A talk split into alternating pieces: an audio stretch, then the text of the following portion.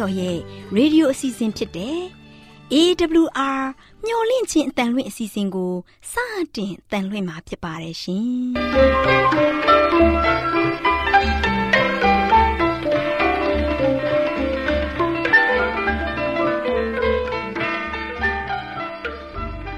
။တောတာရှင်များခင်ဗျာ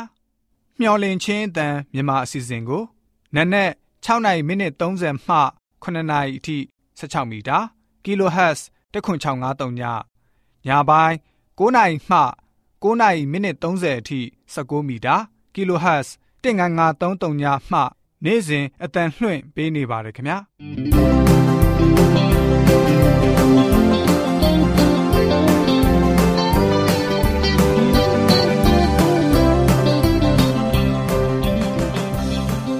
တော်တာရှင်များရှင်ဒီကနေ့ထုတ်လွှင့်တင်ဆက်ပေးမယ့်အစီအစဉ်တွေကတော့ ကျမ်းမာပျော်ရွှင်လူပေါင်းတွင်အစီအစဉ်တရားဒေသနာတော်အစီအစဉ်အထွေထွေဘုဒ္ဓအစီအစဉ်တို့ဖြစ်ပါတယ်ရှင်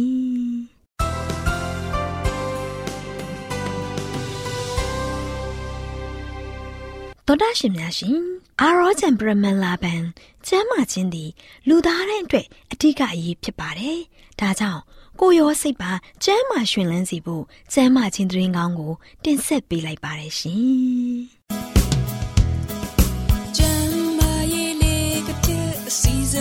စဉ်အစဉ်ပြေ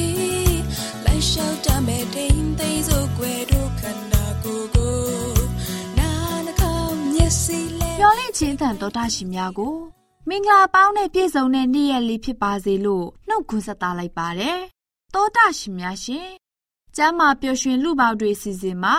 ဘဝအတ္တတာအတွက်ရွေးချယ်ပါဆိုတဲ့အကြောင်းကို တင်ပြပေးသွားမှာဖြစ်ပါတယ်။လေးစားရတဲ့တောတာရှင်များရှင်ကျမ်းမာရေးဆိုတာက လူသားတိုင်းအတွက်မျှော်လင့်ချက်အိမ်မက်ဖြစ်ပါတယ်။အမှန်တော့ကျမ်းမာရေးကလွဲပြီးတခြားဘယ်အရာမှအရေးမကြီးပါဘူး။ဒါကြောင့်ကျမတို့အနေနဲ့ကောင်းမွန်တဲ့ကျန်းမာရေးကိုထိမ့်သိမ်းဖို့အဓိကအာရုံစူးစိုက်ထားရမှာဖြစ်ပါတယ်။အကယ်၍ကျန်းမာရေးကိုချိန်ချောက်တဲ့အရာတွေပေါ်လာရင်လည်းစိုးရိမ်စရာမလိုတော့ပါဘူး။ကျန်းမာရေးဆိုတဲ့အခါမှာလည်းကိုယ်ကာယပိုင်းဆိုင်ရာအကြောင်းတွေသာမကစိတ်ပိုင်းဆိုင်ရာနဲ့ဝိညာဉ်ရေးပိုင်းဆိုင်ရာ ကဏ္ဍ၃မျိုးပါဝင်ရပါမယ်။ကျမတို့ရဲ့အသက်တာမှာအကောင်းမြင်သဘောနဲ့ရှုမြင်ကြရမှာဖြစ်ပါတယ်။ကမ္ဘာမြေကြီးဟာရှုပ်ထွေးပွေလီမှု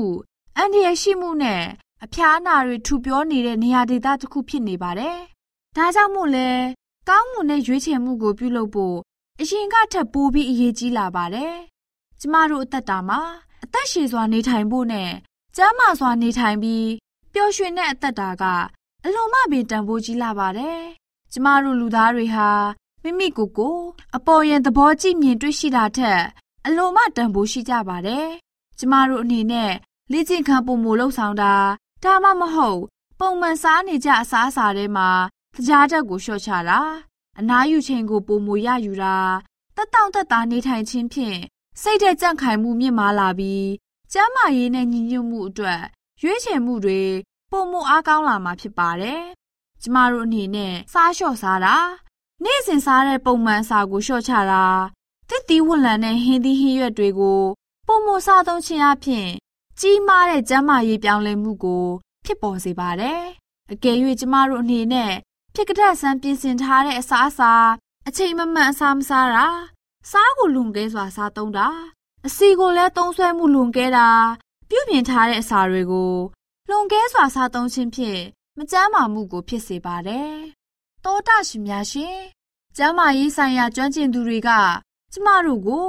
နေ့စဉ်ခြေလန်းတသောင်းလမ်းလျှောက်ဖို့နှိုးဆော်ထားပါတယ်။ကျမတို့ရဲ့အံ့ဩဖွယ်ရာကောင်းတဲ့ခန္ဓာကိုယ်ဟာအကောင်းဆုံးအနေထားတည်မြဲဖို့ရန်အတွက်နေ့စဉ်အနည်းဆုံးမိနစ်30ခန့်ကိုယ်လက်လှုပ်ရှားမှုလှုပ်ဆောင်သင့်ပါတယ်။တောတာရှင်များရှင် ကျမတို့ရွေးချယ်မှုက ကျမတို့ရဲ့ကျန်းမာရေးအပေါ်ကြီးမားစွာဩဇာတက်ရောက်ပြီးအရေးကြီးတဲ့အချက်ဖြစ်ပါတယ်။အမှန်တော့ကျမတို့ရဲ့ကျန်းမာရေးကကံတရားမဟုတ်ပါဘူး။ကျမတို့ရဲ့နေ့စဉ်ဆုံးဖြတ်ချက်တွေကိုနေ့စဉ်လှုပ်ဆောင်ရမှာဖြစ်ပါတယ်။ပြောင်းလဲမှုကရွေးချယ်မှုကအစပြုပါတယ်။တောတာရှင်များအနေနဲ့လည်းဘဝမှာပျော်ရွှင်မှုအပေါင်းကိုရရှိစေဖို့မှန်ကန်တဲ့နေထိုင်စားသောက်မှုကိုရွေးချယ်ကြပါစို့တောတာရှင်များအားလုံး ကျမ်းမာရှင်လန်းကြပါစေလို့ဆုတောင်းပေးလိုက်ရပါတယ်ရှင်။ကျေးဇူးတင်ပါတယ်ရှင်တိုင်းဆောင်ရှာရမှာသင်ခန္ဓာကိုယ်သေးချာကယူဆိုင်ပါ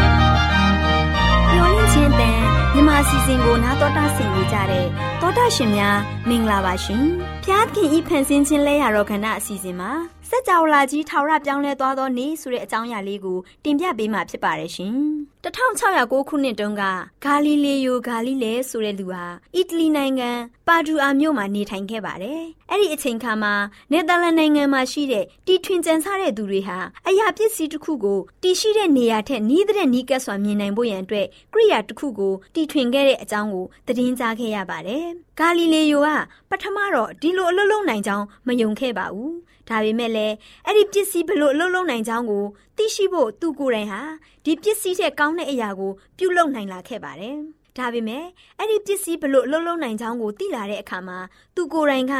အဲ့ဒီပစ္စည်းတဲ့ကောင်းတဲ့အရာကိုပြုလုပ်တီထွင်နိုင်ခဲ့ပါတယ်။ဂါလီလေယိုရဲ့မန်ဘလူးဟာအရာဝတ္ထုတွေကိုကိုးစားမြပို့ပြီးနီးကပ်စွာတွေ့နိုင်ပါတယ်။ စစ်ဘက်ရေးရာနဲ့စီးပွားရေးမှာလည်းအသုံးဝင်တာကိုတွေ့ရှိရတယ်။သူဟာအဲ့ဒီပစ္စည်းနဲ့ဆက်လက်ပြီးတော့ဆန်းသက်တဲ့အခါမှာအင်အားနှစ်ဆရှိတဲ့မှန်ဘလူးကိုလည်းထပ်မံရရှိခဲ့ပါတယ်။အဲ့ဒီနှစ်မှာပဲဒီဇင်ဘာတရက်နေ့လောက်မှာဂါလိလေယိုဟာသူ့ရဲ့မှန်ဘလူးပြောင်းကိုလဘက်ကိုချိန်ရွယ်လိုက်ပါတယ်။သူမြင်ခဲ့တဲ့အရာတွေဟာကျမတို့ရဲ့ပတ်ဝန်းကျင်မှာရှိတဲ့စက်ကြဝဠာကြီးအကြောင်းကိုသိရှိနားလည်ဖို့ထာဝစဉ်ပြောင်းလဲသွားခဲ့ပါတယ်။အဲ့ဒီခေတ်မှာရှိတဲ့လူတွေဟာလဟာဝိုင်းဆက်ပြီးချုံးမွေ့နေတယ်လို့ထင်ကြပါတယ်။ရှေးတသနိကပညာရှင်အာရစ်စတိုတယ်သင်ကြားပေးခဲ့ပုံမှာကောင်းကင်အရာများဟာပြည့်ပြည့်စုံမှုရှိပြီးကမ္ဘာမြေကြီးကသာမပြည့်မစုံမချောမမွေ့ဘူးလို့ဆိုခဲ့ပါတယ်။ဂါလီလေယိုအံ့အားသင့်ခဲ့တာကလရဲ့မျက်နှာပြင်ဟာကျန်းထော်ပြီးတောင်များလွင်ပြင်များရှိနေတာကိုလည်းတွေ့ရှိခဲ့ပါတယ်။၆ပြစ်ကင်းမဟုတ်တဲ့လရဲ့မျက်နှာပြင်ဟာ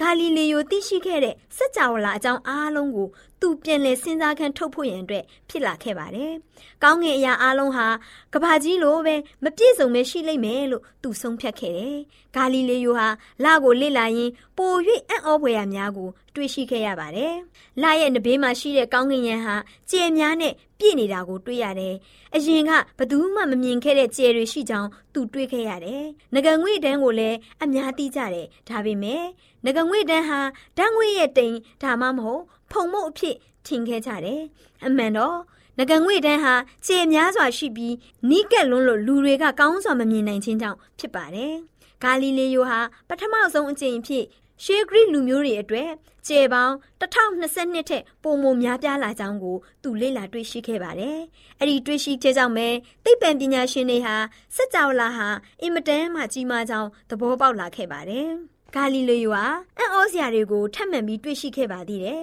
။သူ့ရဲ့မှန်ဘလူးပြောင်းဟာဂျူပီတာဂျိုကိုကြည့်နေရင်းနဲ့သူဟာကြယ်ကလေးတွေဟာဂျူပီတာဂျိုအနားမှာကပ်နေတာကိုတွေ့ရပါတယ်။သူနောက်ထပ်အံ့ဩစာတွေ့လိုက်ရတာကတော့ကြယ်ကလေးတွေဟာဂျူပီတာရဲ့တစ်ဖက်မှာမြင်ရပြီးပျောက်ကွယ်သွားပါတယ်။နောက်ပြီးဂျူပီတာရဲ့အခြားတစ်ဖက်မှာပြန်လည်ပြီးပေါ်လာပါတယ်။နောက်ထပ်ပျောက်ကွယ်သွားပြီးဂျူပီတာရဲ့ပထမအဖက်ကိုပြန်ပေါ်လာပါတယ်။ဂါလီလေယိုသဘောပေါက်သွားခဲ့တာကအဲ့ဒီကြယ်ကလေးတွေဟာ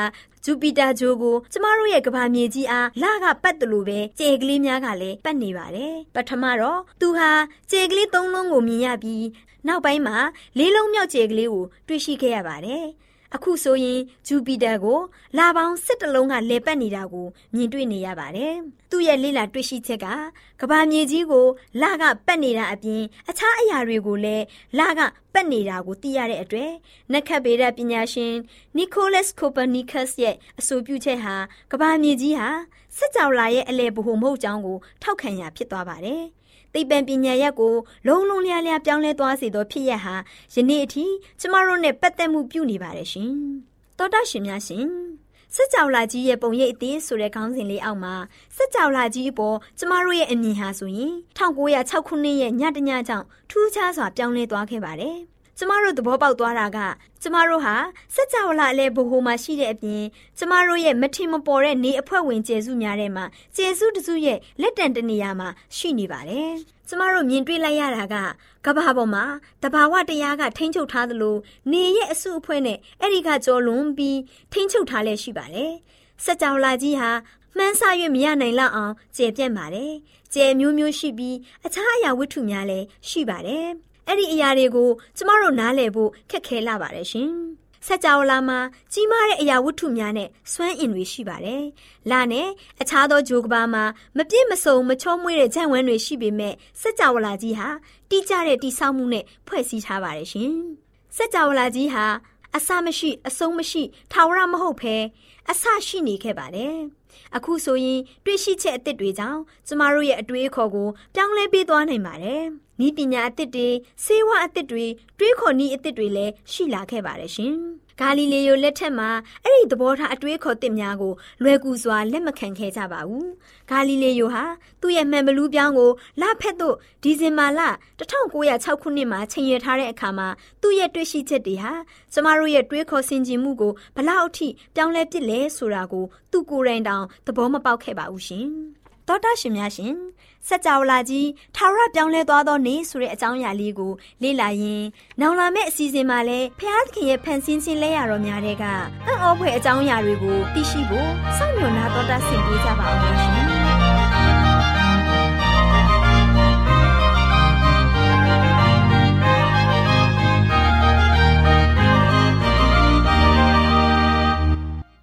တော်တာရှင်များရှင်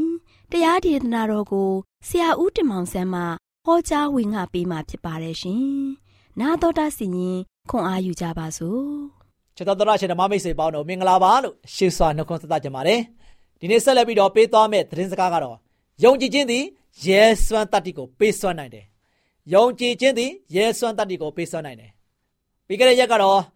ယုံကြည်ခြင်းအဖြစ်ခါတော့ချေဘုရားသခင်ကိုယည်ဆူးပြီးတော့ကိုးကွယ်တဲ့ဘုရားသခင်ဘုန်းတော်ကိုထင်ရှားစေခဲ့တဲ့လူငယ်လေး၃ယောက်ရဲ့ တက်တည်ခံခြင်းကိုကြားနာခဲ့ရတယ်ဒီနေ့ကတော့ယုံကြည်ခြင်းဟာဘုရားသခင်ရဲ့ကောင်းချီးမင်္ဂလာတွေကြောင့်ရဲစွမ်းတတ်တီကိုဘုရားကပေးတယ်ဒီလူငယ်လေးကိုသုံးဖို့ကြည့်အောင်ရှာဒရက်မေရှက်ဘိနေကောသူတို့မှဆိုရှင်လူအုပ်ကြီးရဲ့ရှေ့မှာရှင်မင်းရဲ့ရှေ့မှာရောက်နေပေမဲ့လုံးဝတုံ့လှုပ်ပြီးတော့ခြောက်ချတာမရှိဘူးရဲရဲဝံ့ဝံ့နဲ့ပဲဘုရားသခင်ရဲ့ဘုန်းတော်ကိုကြွေးကြော်နိုင်ခဲ့တယ်နော်မီးလောင်နေတဲ့မီးဘိုလည်းတွေ့နေတယ်ဒီ မှာရွှေရုပ်ထုကြီးကိုလည်းတွေ့နေတဲ့လူတွေအားလုံးကဦးချနေကြတယ်ဝစ်ပြုတ်နေကြတယ်တစ်ချိန်မကနှစ်ချိန်ခွင့်ပေးတယ်သူတို့ဝစ်မပြုတ်ခဲ့ဘူးဖယားသခင်ဘက်မှာရဲညင်းစွာနဲ့ပဲရပ်တည်နိုင်ခဲ့တယ်ဖယားကသူတို့ကိုရဲစွမ်းတတ်တည်ပေးထားတယ်ဘာကြောင့်လဲကျွန်တော်တို့အားလုံးအတွက်စိုးရိမ်စရာမရှိအောင်ဖယားကကူညီနေတယ်ရှင်ပြန်ရှေ့ကိုရောက်တော်နေကျွန်တော်တို့ဘယ်လိုနေထိုင်ရမလဲ ဘယ်လိုစကားပြောရမလဲဆိုတာကိုဖယားမှာအစီအစဉ်ရှိပြီသားနော်ဒါကြောင့်ဒီလူငယ်လေးသုံးဦးကရဲရဲရင့်ရင်ပြက်ပြက်သားသားနဲ့ပဲလုံးဝမှကြောက်ရွံ့ခြင်းထိတ်လန့်ခြင်းမရှိပဲနဲ့ဖရားဘက်မှာမမမမနဲ့ရပ်တည်နိုင်ခဲ့တယ်ဒါကြောင့်ဖရားသခင်ကပြောလဲအာယူ၍ရဲခြင်းချရှိလောမစိုးရင်နဲ့မကြောက်နဲ့သင်နဲ့တူငါရှိတယ်ဒီဂရိတော်ဟာဒီလူငယ်လေးသုံးဦးအပြေဝခံစားခဲ့ရတယ် ဒါဒံယေလအခန်းကြီး9ငယ်16ကဒံယေလအခန်းကြီး3ငယ်၁၉ကနေ၁၈ကိုကျွန်တော်ဆက်ပြီးတော့ဖတ်ကြည့်ကြရအောင်နော်ကျွန်တော်တို့ကိုးကွယ်သောဘုရားသခင်သည်မီးလောင်လျက်ရှိသောမီးဘိုတဲကကျွန်တော်တို့ကိုကယ်လွတ်နိုင်တော်မူ၏ကိုတော်ဤလက်မှလည်းကယ်လွတ်တော်မူလိမ့်မည်ထို့သို့ကယ်လွတ်တော်မူတော်လဲအရှင်မင်းကြီးကိုတော်ဤဘုရားတို့ကိုကျွန်တော်တို့ဝင်းမပြုပါတီထားတော်မူသောရွှေရုပ်ထုကိုလည်းမကိုးကွယ်ပါဆိုပြီးတော့ပြန်လျှောက်ကြတယ် ဒါချစ်တော်မိတ်ဆွေတို့လူငယ်များပြောတဲ့စကားမှာအကျွန်ုပ်တို့ကိုးကွယ်တော်ဖျားကယ်လွတ်နိုင်တော်မူတယ်နော်ကျွန်ုပ်တို့ကိုးကွယ်တော်ဖျားကယ်လွတ်နိုင်တော်မူတယ်အာမင်ဖျားသခင်ကကယ်လွတ်နိုင်တော်မူသောဖျားကွယ်ကာတော်မူနိုင်သောဖျားကျွန်တော်တို့ကိုစောက်ရှောက်ပြီးတော့လုံးဝမှသူတစ်ပါးရှင်းပါမှာဆိုရှင်မျက်နာမငယ်အောင်ကျွန်တော်ကကယ်တင်နိုင်တဲ့ဖျားဖြစ်တယ်နော်ကယ်တင်နိုင်တဲ့ဖျားဖြစ်တယ် ဒါကြောင့်ကယ်လွတ်တော်မူတော်လေအရှင်မင်းကြီးကိုတော်ရဲ့ဖျားတို့ကိုကျွန်တော်တို့ဝင်မပြုဘူးနော်တီထားတော်မူတဲ့ရွှေရုပ်ထုကိုလည်းမကိုးကွယ်ဘူးလို့ပြန်လျှောက်ခဲ့ကြတယ်အဲ့ဒီလူငယ်လေးများမှာရဲစံတတ္တိကို တွေ့ရတယ်ဖယားသခင်အလိုရှိပါကသူတို့ကိုကယ်လွတ်နိုင်တော်မူကြောင်းကိုသူတို့ကဆိုရှင်သိခဲ့တယ်နော်အကယ်လို့ကယ်လွတ်တော်မမူတော်လဲ ရှင်မြင်ရဲ့မာယွင်းတဲ့ဖျားတွေကိုမြည်သည့်နည်းနဲ့များမကိုးကွယ်နိုင်ကြောင်းပြန်ပြောခဲ့ကြတယ်။ဒါကြောင့်ထိုလူငယ်လေးများဆိုရှင်ခိုင်မာသောဇာရိတရှိခဲ့တယ်။တခါတရံမှာလူအများကဆိုရှင်ဆူတောင်းကြတယ်ဘလို့ဆူတောင်းကြတယ်။နော်တို့ဆူတောင်းချက်တွေမှာဆိုရှင်ဘလို့ဆူတောင်းကြလဲဆိုတော့ကိုတော့အကျွန်ုပ်ဤပြဿနာထဲမှာကယ်လွတ်တော်မူမယ်ဆိုရင်အကျွန်ုပ်ဖျားကြောင်ပြန်တက်ပါမယ်။ မကယ်တော့ဘူးဆိုလို့ရှင်တော့အကျွန်ုပ်ကိုဖះเจ้าမှာပြန်တွေးဖို့မမျော်လင့်ပါနဲ့ယနေ့လူတွေကဆူတောင်းနေကြတယ်ဖះကိုဖះကဒါလုပ်ပေးမှကျွန်တော်တို့ဒါပြန်ပြီးတော့လုပ်ပေးမယ်နော်ဖះကဒီလိုမားစားမှကျွန်တော်ဒီလိုလုပ်မယ်ဖះနဲ့အတိုက်ခံဖះကိုစိန်ခေါ်ကြတယ်ဒါဒီလိုမျိုးဆူတောင်းခြင်းဟာမှန်ကန်သလားဒီလိုမျိုးယုံကြည်ခြင်းကဆိုရှင်တကယ်မှန်ကန်သလားဒါချစ်တော်မိတ်ဆွေတို့ထိုကဲ့သို့သောဆူတောင်းခြင်းဟာ မှန်ကန်သောခရိယန်အကျင့်စာရိတ္တနဲ့ယုံကြည်ခြင်းဖြစ်နိုင်ပါမလားမဖြစ်နိုင်ပါဘူးမိတ်ဆွေနော်ဒီနေ့ဘုရားသခင်ကိုကျွန်တော်တို့ကယုံကြည်တယ်ပြောပြီးတော့ဘုရားကိုအကြက်ကင်လို့မဟုတ်ဘူးမိတ်ဆွေနော်ဘုရားကိုအကြက်ကင်ဖို့မဟုတ်ဘူးဘုရားသခင်ကကျွန်တော်တို့တောင်းတဲ့ခါမှာပေးတဲ့ဘုရားဖြစ်တယ်ဘုရားသခင်ကကျွန်တော်တို့လိုအပ်နေတဲ့ခါမှာကူညီတဲ့ဘုရားဖြစ်တယ်ဘုရားသခင်ကသူ့ကိုယုံကြည်တဲ့သားသမီးတွေပေါ်မှာအမြဲတမ်းပဲစောင့်ရှောက်နေတဲ့ဘုရားဖြစ်တယ် နေရာတိုင်းမှာဘုရားရှိတယ်ဘယ်ပဲသွားသွားဘုရားရှိတယ်ဘုရားကကျွန်တော်နဲ့သူရှိနေတယ်လို့ယခုနာတော်တာစင်နေတော့မိတ်ဆွေနဲ့လည်းဘုရားရှိတယ်နော်ဘုရားသခင်ကတအိုးတယောက်စီနဲ့တူအမြဲတမ်းရှိနေတဲ့ဘုရားဖြစ်တယ်ဒါကြောင့်ဘုရားသခင်ကိုကျွန်တော်တို့ယုံကြည်ဖို့ရန်အတွက်ကိုးစားဖို့ရန်အတွက်အရန်ကြီးကြည့်ပါတယ်များသောသောခရိယာများသောရှင်ဆုတောင်းတတ်တဲ့အခါမှာຢာကတော့ကိုတော်အကျွန်ုပ်ကောင်းကြည့်ပေးမယ်ဆိုရင်ဆက်ဖို့တဖို့ပေးမယ်သို့တော်လည်းကိုတော်ကောင်းခြင်းမပေးရင်လည်း ဆက်ဖို့တဖို့ကိုလှူမယ်လို့ဆုတောင်းကြတယ်ဒါဒုတိယဆုတောင်းချက်ကိုဆက်လက်ပြီးတော့သူတို့ကျွန်တော်တို့ဆုတောင်းခံနိုင်ဖို့ရန်သင်ခရိယန်ဇာတိတာမှန်ကန်ဖို့ရန်တတ္တိလိုအပ်ပါတယ်နော်တတ္တိလိုအပ်တယ်ခုနကလူငယ်လေးသုံးကဆိုရှင်တတ္တိရှိရှိနဲ့ရဲရဲဝံ့ဝံ့နဲ့မမမမယက်တည်နိုင်ခဲ့တယ်။ဘာကြောင့်လဲဖရာသခင်ကသူတို့ကိုကယ်လွတ်နိုင်တော်မူတဲ့ဖရာဖြစ်တယ်။ သူတို့ကိုးကွယ်တဲ့ဖရာသခင်ကဆိုရှင်ကယ်တင်တော်မူတဲ့ဖရာဖြစ်တယ်။ကယ်လွတ်တော်မူတဲ့ဖရာဖြစ်တယ်။ဒုက္ခရောက်တဲ့ခါမှဆိုရှင်ဒုက္ခတွင်ရနေမှာမချနိုင်တဲ့ဖရာဖြစ်တယ်။အဲ့ဒီအတွက်ကြောင့်အဲ့ဒါကိုယုံကြည်ထားတဲ့အခါမှာသူတို့အနေနဲ့လုံးဝမစိုးရိမ်ခဲ့ဘူး။လုံးဝမကြောက်လန့်ခဲ့ဘူး။လုံးဝမမချောက်ချခဲ့ဘူး။ရဲရဲဝင့်ဝင့်နဲ့ပဲရဲစွမ်းတတ္တိရှိရှိနဲ့ပဲသူတို့အကောင်းဆုံးဖရာသခင်ရဲ့ရှေ့တော်မှာ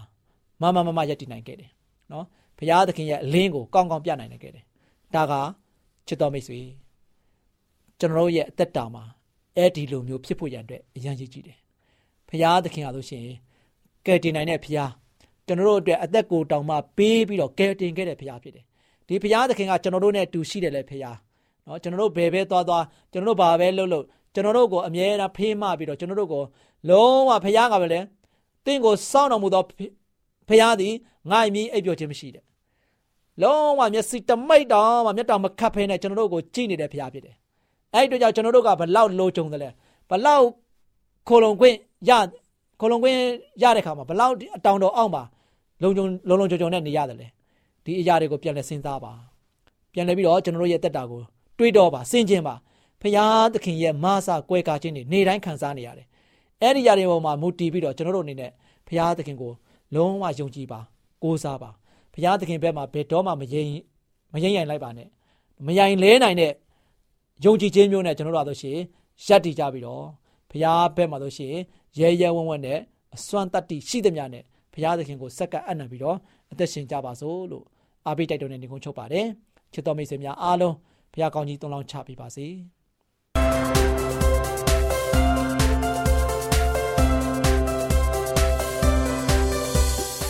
မျော်လင့်ခြင်းတန်တော်တာရှိများကို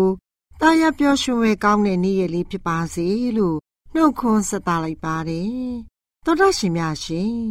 စကားပရိသမင်္ဂလာအစီအစဉ်မှာခရစ်တော်အတွက်ကလေးများကိုသွန်သင်ပေးခြင်းဆိုတဲ့အကြောင်းကို တင်ပြပေးသွားမှာဖြစ်ပါတယ်။မိတ်ဆွေများတို့ရှင်ယေရှုဆိုတဲ့နာမတော်ကိုခေါ်တဲ့အတန်ကကလေးတွေပထမဦးဆုံးစိတ်ဝင်စားတဲ့အတန်ဖြစ်ပါတယ်။ ဒါကြောင့်မို့ငယ်ရွယ်စဉ်အချိန်တည်းက